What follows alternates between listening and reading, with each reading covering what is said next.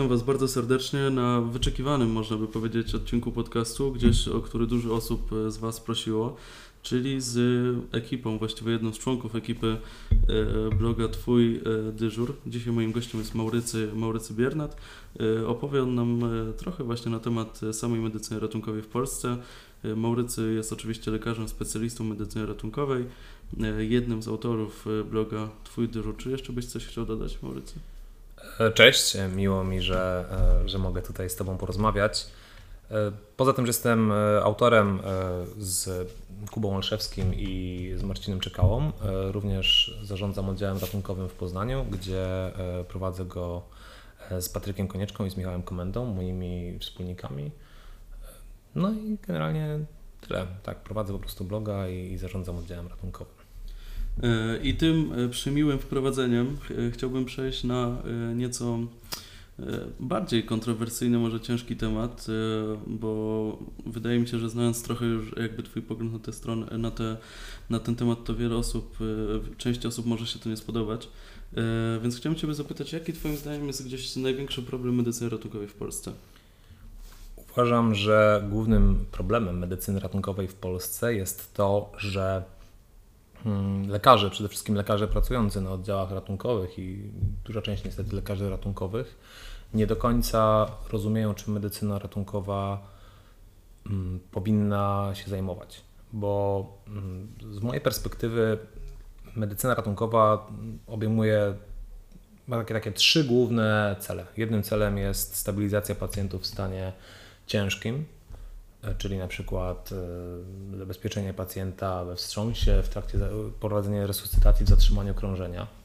Mm, drugim etapem jest E, identyfikacja pacjentów, którzy wymagają e, przyjęcia do szpitala albo jakichś innych pilnych interwencji. Czyli na przykład przychodzi do nas pacjent z bólem brzucha i musimy ustalić, czy na przykład jest to brzuch, który wymaga jakiegoś zabiegu operacyjnego, albo czy, czy na przykład pacjent nie ma jakiejś maski brzusznej, zawału serca i tak dalej. A trzecią funkcją, którą powinien wykonywać oddział ratunkowy jest e, zabezpieczenie pacjentów, którzy nie będą wymagali przyjęcia do szpitala. Czyli na przykład ocena pacjenta z, urazem stawu skokowego, mm, danie jakiegoś leczenia u pacjenta z zakażeniem układu moczowego itd. Tak mm, I uważam, że wszystkie te trzy e, wszystkie te trzy elementy, czyli zarówno stabilizacja pacjentów w stanie ciężkim, identyfikacja pacjentów w stanie niejasnym i zapewnienie jakiegoś leczenia pacjentom e, niewymagającym hospitalizacji, e, są rzeczami, które składają się na to,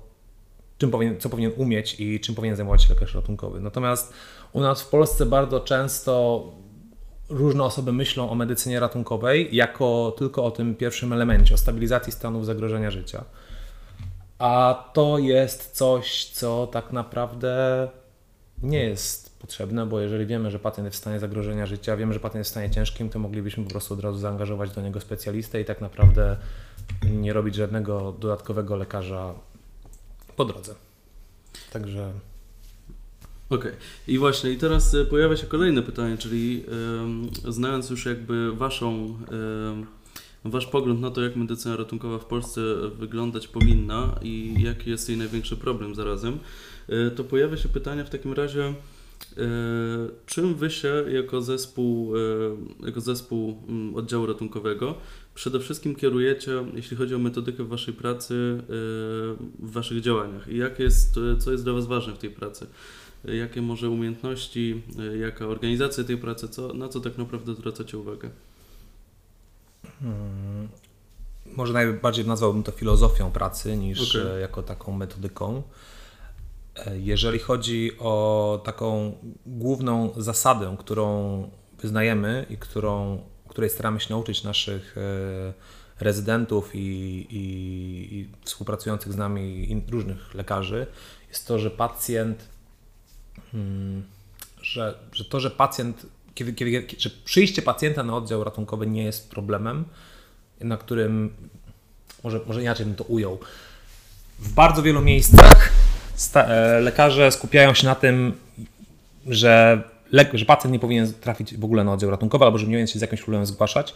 My staramy się myśleć bardziej o tym, jak rozwiązać problem pacjenta, a nie nad tym, że przyjście pacjenta jest problemem. Także w ogóle nie mamy takiego, takiej polityki u nas. W ogóle, w ogóle bardzo nie lubię takiego powszechnego w Polsce podejścia, dlaczego do nas, dlaczego pacjent zgodził się akurat na ten oddział ratunkowy albo do tego miejsca, bo uważam, że nie powinniśmy w ten sposób myśleć o pacjencie, powinniśmy myśleć o tym w, w taki sposób, że jeżeli pacjent trafia do nas z jakimś problemem, to musimy ten problem rozwiązać.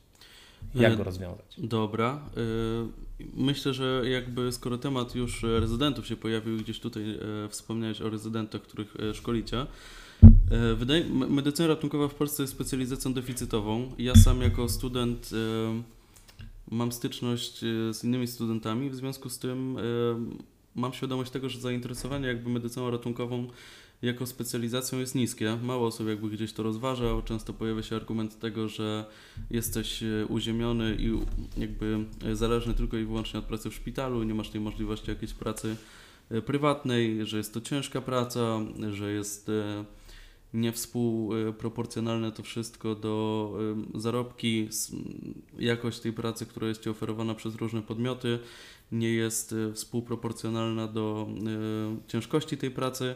Stąd y, jakie jest Twoje zdanie, jako osoby też, która y, rezydentów y, u siebie na oddziale ma, jako osoba, która też jest dydaktykiem, jeśli chodzi o studentów, Jakie są przyczyny tego, że medycyna ratunkowa cieszy się takim, a nie innym zainteresowaniem?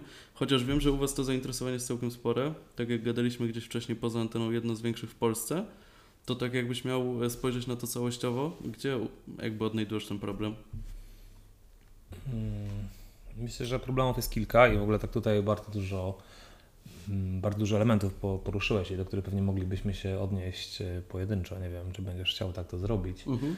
E, jeżeli chodzi tak ogólnie o niskie zainteresowanie medycyną ratunkową w Polsce, to po pierwsze wydaje mi się, że mimo wszystko bardzo duży problem jest czas z tym niezrozumieniem filozofii tym, czym medycyna ratunkowa powinna się zajmować, e, że robimy z tego taką specjalizację takiego troszkę niedorobionego anestezjologa, który, który, e, który, który, który zajmuje się tylko częścią tego, czym zajmuje się anestezjolog albo specjalista anestezjologii intensywnej terapii. No to jakby w takim rozumieniu specjalizacji, że ja miałem pójść na specjalizację, gdzie bym się po prostu zajmował tylko ciężkimi pacjentami trafiającymi na oddział ratunkowy, żeby ich resuscytować, intubować i stabilizować we wstrząsie, to ja na przykład na taką specjalizację osobiście bym również nie poszedł, bo taka specjalizacja po prostu ma bardzo ograniczony sens. Jeżeli musiał coś takiego rzeczywiście robić, to poszedłbym na anestezjologię, intensywną terapię i mógłbym się po prostu zajmować tylko i wyłącznie tym. Mhm.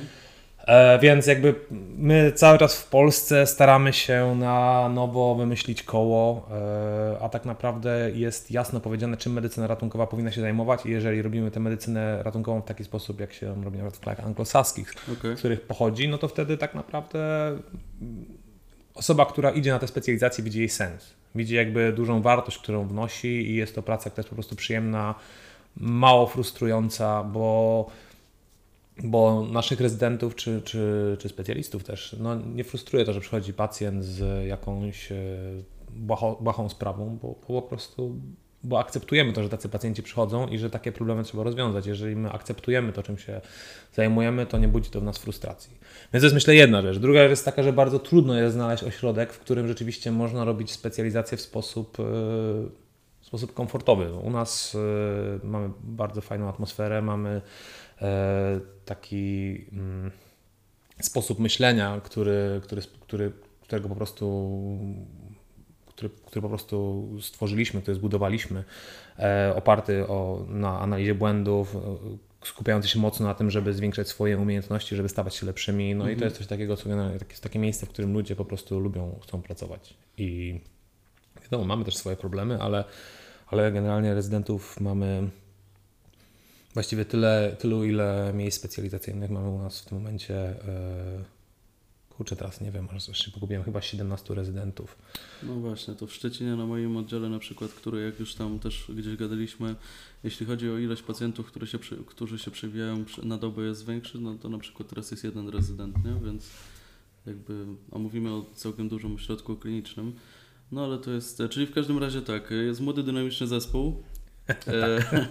Owocowych czwartków nie, nie wspomniałeś o tym, ale to może dla wtajemniczonych bardziej. Karta multisport jakaś też tam się pojawia. Nie, karty multisport nie mam. Raczej młody, raczej wiecie, bo nie chciałbym schodzić na tematy finansowe, ale tak naprawdę e, w zawodzie lekarza bardzo istotna jest tak naprawdę satysfakcja i praca z fajnymi ludźmi i e, moim zdaniem te elementy finansowe, e, mimo że też są do jakiegoś stopnia istotne, to one nie powinny nam tego nigdy przesłaniać i powinniśmy się zawsze skupiać na tym, żeby przede wszystkim pracować w miejscu, gdzie, gdzie się czujemy dobrze. I wiem, że to nie jest takie popularne myślenie, ale ale myślę, że, że bliskie tak naprawdę faktom, nie? No bo jednak y, jakby wziąć pod uwagę to, w jaki sposób y, jak intensywnie wykańcza Cię praca, w której jesteś, mimo tego, że dobrze zarabiasz, ale całe środowisko, ludzie, z którymi pracujesz, charakter tej pracy Cię wykańczają, no to jakby ciężko, żeby nawet te pieniądze w pewnym momencie miały jakąś wartość większą, nie? Wydaje mi się, że to jednak dojdziesz do punktu, w którym Cię to przysło, przys, jakby brak komfortu wynikający z tej pracy przysłoni Ci nawet te zarobki, o ile nie pociągnie to za sobą jakby, wiesz, jeszcze większych konsekwencji e, zdrowotnych, nie? No bo jakby to też się przykłada mimo wszystko, ta frustracja, e, stały jakiś stres, napięcie i tak dalej, no to mimo wszystko też jakiś tam ma wpływ.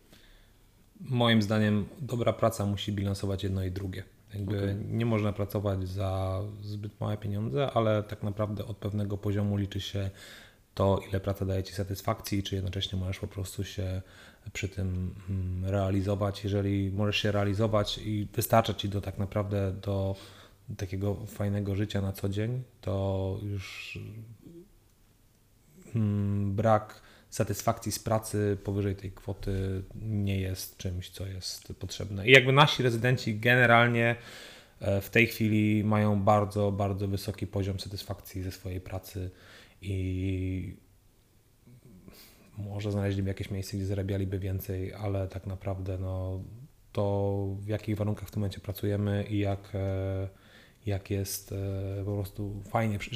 Mamy takie miejsce, gdzie po prostu jest fajnie przyjść do pracy, gdzie po prostu jesteś z tego zadowolony. No i to jest to jest e, to, to, to nie jest często może na oddziale ratunkowym. Bardzo wielu miejsc jest takich toksycznych jednak bardzo trudno jest zbudować dobrą atmosferę na oddziale ratunkowym. Wiesz, to też jest tak, że my, yy, my też się tego uczyliśmy, jak taką atmosferę budować, jak taki zespół budować.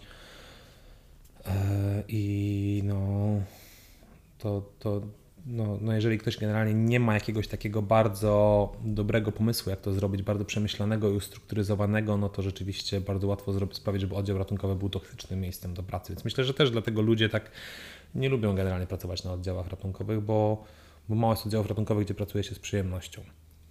Okay, a tutaj poruszyłeś taki temat, co prawda nie mamy tego pytania gdzieś tak e, rozpisanego, natomiast e, może zechcesz na nie odpowiedzieć, bo tak mi się nasunęło. E, skąd jakby czerpaliście wiedzę, jeśli chodzi o to, w jaki sposób tę pracę organizować na Sorze? Czy to gdzieś wynikało z roz, Twoich rozmów jakby z ludźmi z całej Polski i z innych państw tak naprawdę odnośnie tego, jak to wygląda?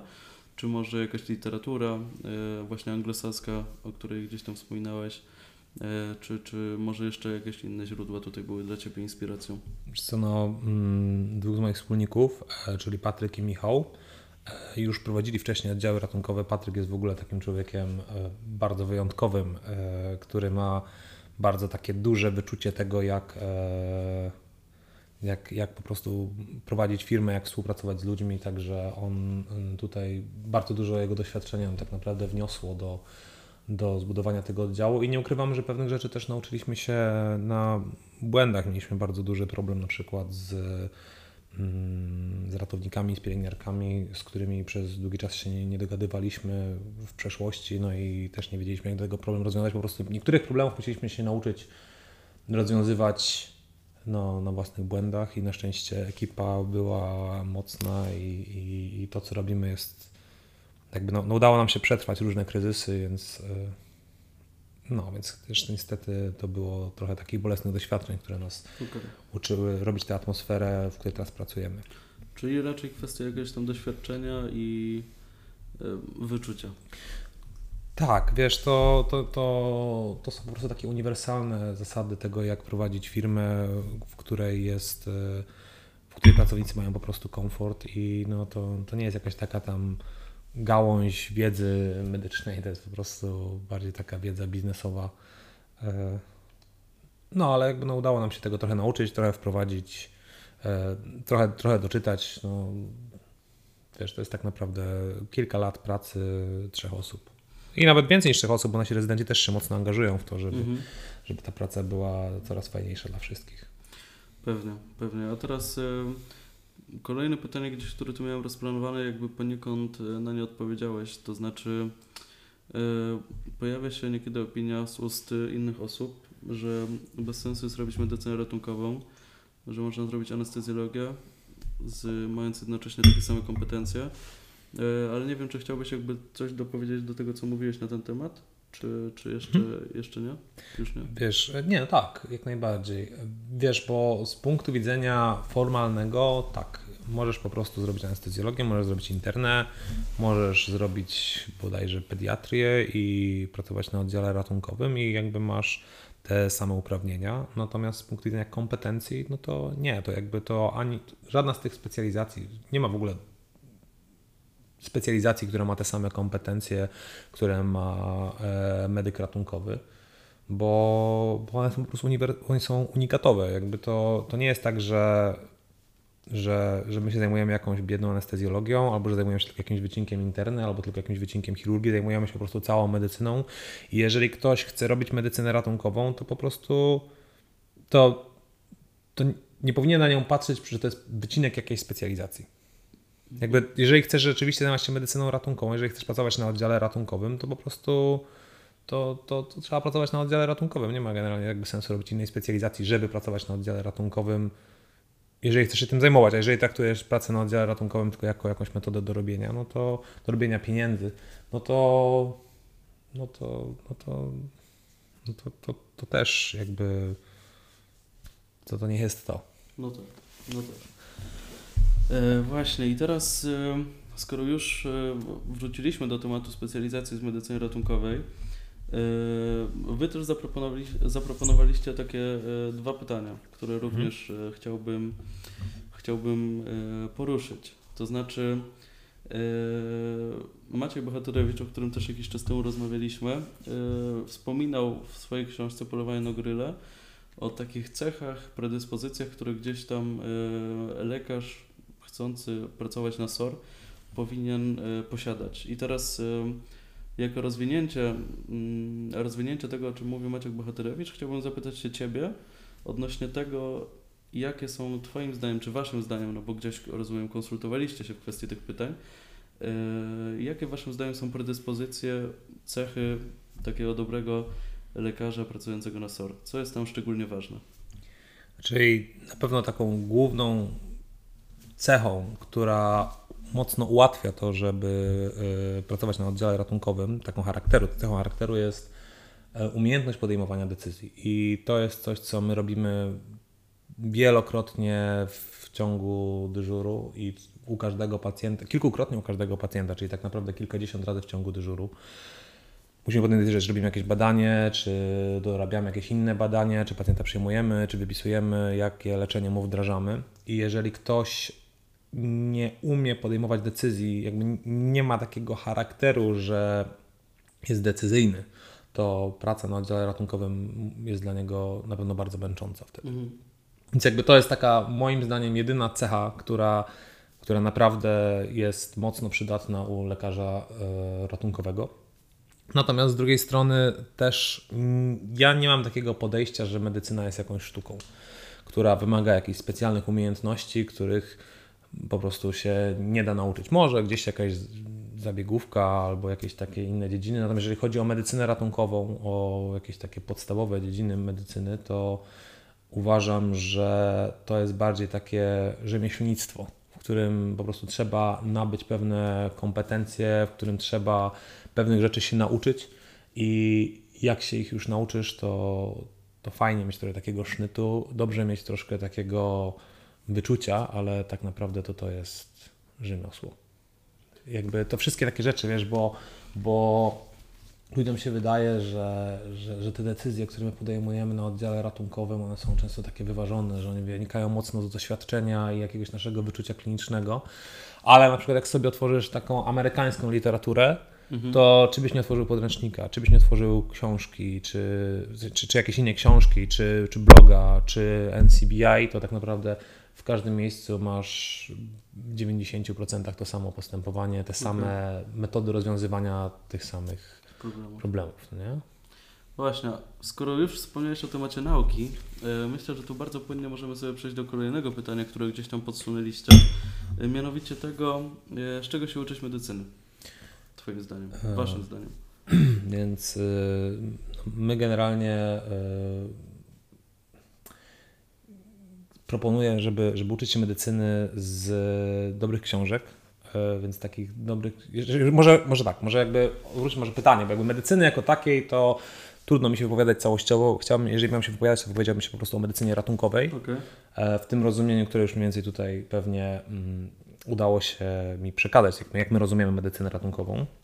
Więc e, my medycyny ratunkowej e, uczymy się w dużym stopniu z FOMED-u, czyli z, z darmowej e, edukacji, darmowych źródeł edukacji medycznej e, w internecie, mhm, czyli Open Access Medical Education, taki to Mhm. jest dokładnie skrót. Więc na przykład kurs Twój dyżur jest jednym z takich właśnie blogów FOMEDowych, ale e, no, jest tych blogów mnóstwo w, w internecie. Jest e, EM Cases, który w ogóle był, jest blogiem kanadyjskim, który e, zainspirował nas do, e, mm, do, e, do rozpoczęcia naszego bloga. W dużym stopniu opieramy się na tej formie, którą tam e, ci Kanadyjczycy zrobili. E, No jest też MCREAT, który jest świetnym blogiem, Life in the Fast Lane, który jest takim bardziej blogiem do czytania niż podcastem. Mm, Jest, no jest tej, generalnie tej, tej medycyny ratunkowej jest, jest mnóstwo fajnych źródeł, które bardzo dobrze podchodzą do tych takich rzeczywiście problemów, które napotykamy w pracy. Mm, Jeżeli chodzi o podręczniki do medycyny ratunkowej, no to my niestety nie zidentyfikowaliśmy żadnej jakiejś takiej, takiego sensownego podręcznika po polsku. No, książka Polowanie na goryle jest naprawdę super książką, e, natomiast no, trudno ją pat- rozpatrywać jako podręcznik. E, Jeżeli chodzi o takie podręczniki, takie, takie kompendia wiedzy, no to używaliśmy e, książki, to używaliśmy Rosena oraz Tintinali, to są takie dwa anglosaskie podręczniki do medycyny ratunkowej. E, No i tak naprawdę też jest taka, e, takie mamy troszkę założenie, że, że każde pytanie, które, każdy problem w ogóle, który, który napotykali, napotykamy, e, to jest problem, który ktoś już kiedyś napo- napotkał i tak naprawdę zwykle można odpowiedź znaleźć w Google na to pytanie. Więc my mocno używamy NCBI, która jest stroną z darmowym dostępem do rozmaitych badań naukowych, które tam no właściwie dotyczą każdego problemu, który, który moglibyśmy sobie wymyślić. Więc generalnie podsumowując, stosujemy FOAMED, stosujemy, e, stosujemy troszkę amerykańskich podręczników i NCBI. Okej, okej. A na przykład e, mia, miałeś kiedyś styczność z takim podręcznikiem jak e, medycyna przedszpitalna w lotniczym pogotowiu ratunkowym, czy nie, nie zagłębiałeś się jakby w ten temat? Mm, nie. Nie. Wiesz co, generalnie ja uważam, że taka medycyna przedszpitalna stricte, czyli taka medycyna mm, właśnie wiesz w karetce, Mhm. w, e, w lotniczym pogotowiu ratunkowym to jest bardzo mały wycinek medycyny ratunkowej. To jest może kilka procent tych umiejętności, które są potrzebne do sensownej pracy na oddziale ratunkowym. Mhm, pewnie. Także, e, także nie, jakby się nie, nie, nie zagłębiałem się w coś takiego, bo mi to Nie czułem, żeby mi to było kiedykolwiek potrzebne, mimo że jeździłem na karetce, to tak naprawdę to właśnie nigdy pracując na karetce nie czułem, że wykorzystuję ten potencjał, który, który po prostu wykorzystałbym na oddziale ratunkowym. Pewnie, pewnie. E, rozumiem. E, powiedz mi e, w takim razie, przejdźmy sobie jakby trochę teraz do może takich kwestii bardziej systemowych. E, ja chciałbym zadać Wam takie pytanie, e, które poniekąd nawiązuje do tego, e, jakie są problemy medycyny ratunkowej w Polsce. To znaczy e, świadomości społeczeństwa odnośnie funkcjonowania tych pomocy doraźnej, nocnej i świątecznej opieki zdrowotnej, czy uważasz, uważasz, uważacie, że zwiększenie świadomości społeczeństwa w zakresie jakby tego, że funkcjonują takie ośrodki, przyczyniłoby się do tego, że SORy byłyby trochę odciążone i tak naprawdę nawiązując do tego kontekstu naszej rozmo- rozmowy, którą już właśnie odbywamy, czy to w ogóle jest potrzebne tak naprawdę? Więc wiesz, e, my w naszym blogu i też zresztą w naszym kursie, który teraz, e, który teraz e, wydaliśmy. Bardzo mocno skupiamy się na rozwiązywaniu problemów w pomocy doraźnej, bo wiemy, że bardzo wielu młodych lekarzy pracuje w takich miejscach, więc no, trzeba jakoś po prostu się do tego dostosować, trzeba jakby ludziom dać jakieś narzędzia, żeby mogli w tych miejscach bezpiecznie pracować. Natomiast tak uczciwie, to my nie widzimy miejsca dla pomocy doraźnej w takim dobrze zorganizowanym systemie e, opieki nad pacjentem z jakimś ostrym problemem, bo albo pacjent wymaga po prostu jakiejś pilnej interwencji na dyżurze, albo pacjent tej interwencji nie wymaga w ogóle i mógłby po prostu iść do lekarza rodzinnego. I pomoc doraźna no, jest czymś takim troszkę, że że jakby jakimś takim narzędziem, które miałoby sprawić, że pacjent nie jest wystarczająco chory na SOR, ale w sumie nie jest, jest, też, e, jest też nie jest też tak zdrowy, żeby iść do lekarza rodzinnego, więc w sumie miałby iść na pomoc doraźną. Takich pacjentów tak naprawdę prawie nie ma. No albo pacjent wymaga takiej ustrukturyzowanej, dobrej opieki na, na dyżurze, albo nie wymaga tej opieki w ogóle, a tak naprawdę, żeby to ocenić, czy pacjent takiej opieki wymaga, trzeba go po prostu normalnie zbadać, często zastosować jakieś badania dodatkowe, więc no, ta pomoc doraźna jest jakimś takim troszkę takim troszkę dziwnym tworem, który wydaje mi się, że, że wynika z, mm, z takich błędnych założeń systemowych, które były, były, były po, były wzięte, kiedy była, był projektowany system ratownictwa medycznego w Polsce. Mhm. Więc może jakby powiem, o co mi tutaj chodzi. E, gdzieś tam kilkadziesiąt lat temu, kiedy powstawały oddziały ratunkowe, e, było zdefiniowane, że oddział ratunkowy ma zajmować się pacjentami w stanie nagłego zagrożenia zdrowia i życia. No i to brzmi bardzo tak... E, ładnie. Bardzo ładnie to brzmi. Ale tak naprawdę, żeby stwierdzić, że pacjent jest w stanie zagrożenia zdrowia i życia, to trzeba go zbadać, i często trzeba mu zrobić jakieś badania dodatkowe i wtedy można stwierdzić, że pacjent nie ma zawału serca, pacjent nie ma żadnego stanu wymagającego operacji, pacjent nie ma udaru mózgu, no i można stwierdzić, że nie jest w stanie zagrożenia zdrowia życia, więc może iść bezpiecznie do domu. No, ale my nie jesteśmy w stanie po prostu stwierdzić, że pacjent jest w stanie zagrożenia, bo pacjent, pacjent nie przychodzi do nas i nie mówi nam, że mam udar mózgu, albo że mam zawał serca, albo że mam um, tam groźny uraz kończyny, tylko pacjent po prostu przychodzi do nas z tym, że go boli głowa, że go boli w klatce piersiowej, że go boli brzuch, że się uderzył i tak dalej. No i my musimy a system jest zaprojektowany tak, jakby po prostu pacjent przychodził do nas z gotowym jakimś problemem. Mm, no i w związku z tym, że e, coś trzeba było wymyślić dla tych pacjentów, którzy nie są tak na pierwszy rzut oka w takim ciężkim stanie, no to powstała po prostu pomoc doraźna, która, no, no, która no, no, no, no, no bo po prostu ktoś się musi zająć tymi pacjentami, którzy rzeczywiście przychodzą, a nie z tym jakimś takim wyimaginowanym, sztucznym, idealnym pacjentem. Pewnie, pewnie.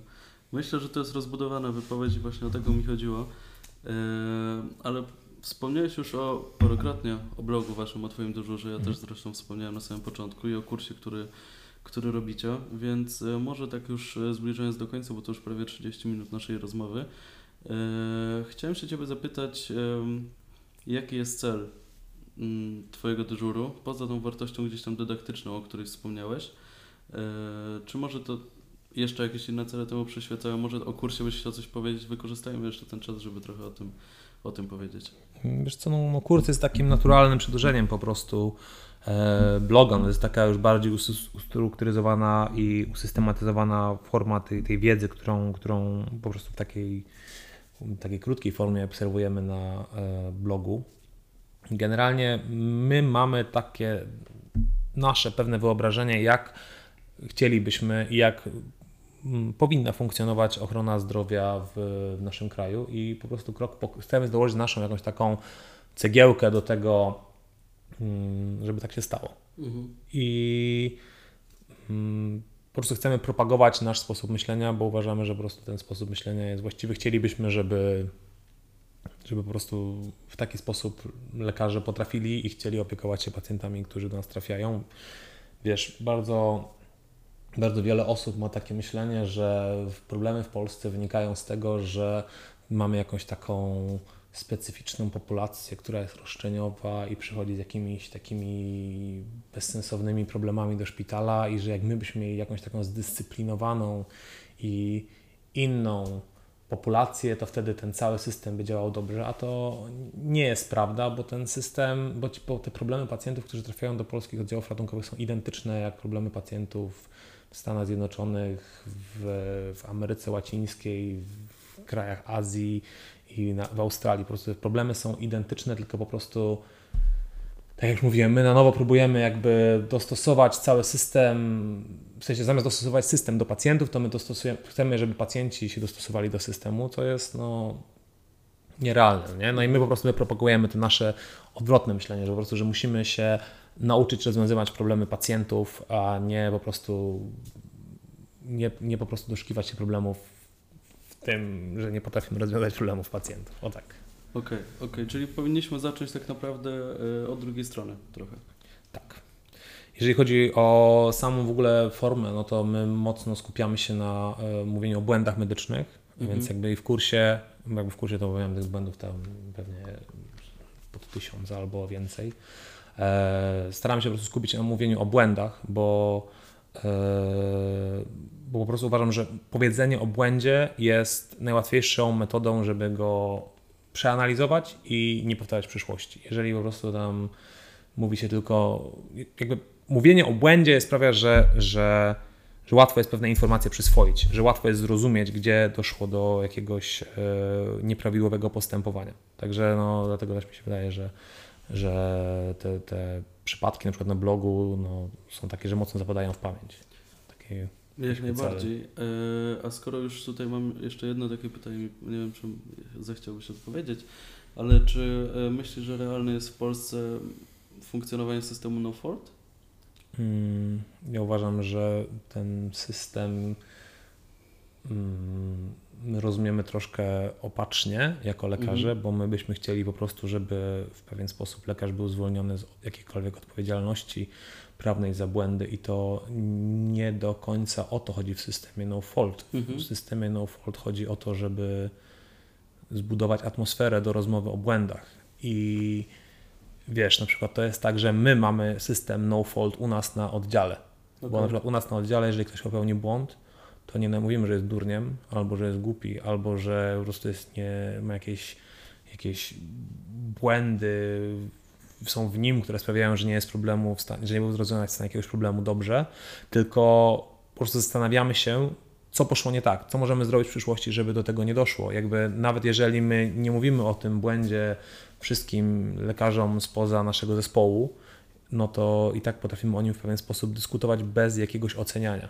Okay, okay. I wiesz, jakby to nie chodzi o to, że bo, bo mimo wszystko mi się wydaje, że, że może to jest takie trochę kontrowersyjne, ale że w pewien sposób e, środowisko lekarskie oczekiwałoby, że, że, że dostajemy, nie wiem, jakąś licencję po prostu na, na zabijanie. No to też nie o to chodzi tak naprawdę. Nie może być tak, że nie, nigdy nie będziemy funkcjonować w takim systemie, że nie będzie żadnej odpowiedzialności za nasze mm, błędy, no nie? Jakby no jakaś odpowiedzialność zawsze jest i też nie możemy udawać, że wszyscy jesteśmy idealni. Są lekarze, którzy się bardzo starają i i którzy robią dużo dobrej roboty, są też tacy lekarze, którzy tacy nie są i jakby no nie możemy oczekiwać, że, że jedni i drudzy będą po prostu traktowani tak samo. No właśnie, no zwolnienie z jakiejkolwiek odpowiedzialności za błędy no byłoby trochę już, myślę, że kłócące się z jakąkolwiek etyką, nie? Tak mi się tak. wydaje.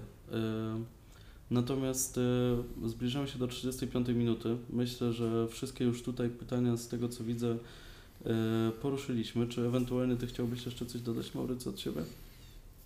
Hmm. Wiesz co, nie wiem, mi się wydaje, że już chyba poruszyliśmy te tematy, o których e, chciałem powiedzieć. No, zapraszam do czytania bloga. Osoby, które, które e, rozpoczynają pracę albo są na stażu obecnie i będą niedługo rozpoczynać pracę, zapraszam do przeczytania, do, do skorzystania z naszego kursu, bo na pewno tam znajdziecie dużo takich e, takich rozwiązań mocno skrojonych pod problemy, z którymi będziecie musieli się mierzyć na dyżurach. Mm, no i, no i tyle, no nie, generalnie. Ja też bardzo serdecznie chciałem zaprosić, bo uważam, że naprawdę zarówno kurs, z którego miałem okazję przez chwilę korzystać, jak i e, sam blog e, na bardzo fajnym poziomie stoi. Myślę, że jeśli chodzi o taką wartość merytoryczną z tego, no i e, sam sposób jakby realizowania tego kursu i przekazywania tej wiedzy, no to myślę, że fajną robotę zrobiliście. Także też jak najbardziej zapraszam do tego. I dziękuję Ci bardzo Maurycy za, za, za występ. Dziękuję też Marcinowi, w ogóle całemu Waszemu zespołowi e, za chęć wzięcia w tym udziału. Co prawda nie udało się nam e, zrealizować tego w pełnym składzie, natomiast No bo Kuba ma niestety ma dyżur, a Marcin ma covid także no nie dało rady. Ale, ale chęci były, chęci były, także już sam fakt tych chęci doceniam. E, bardzo dziękuję i mam nadzieję, że jeszcze kiedyś będzie nam dane porozmawiać i, i się usłyszeć jakoś. Jasne. Dziękuję Ci bardzo. Do zobaczenia, cześć.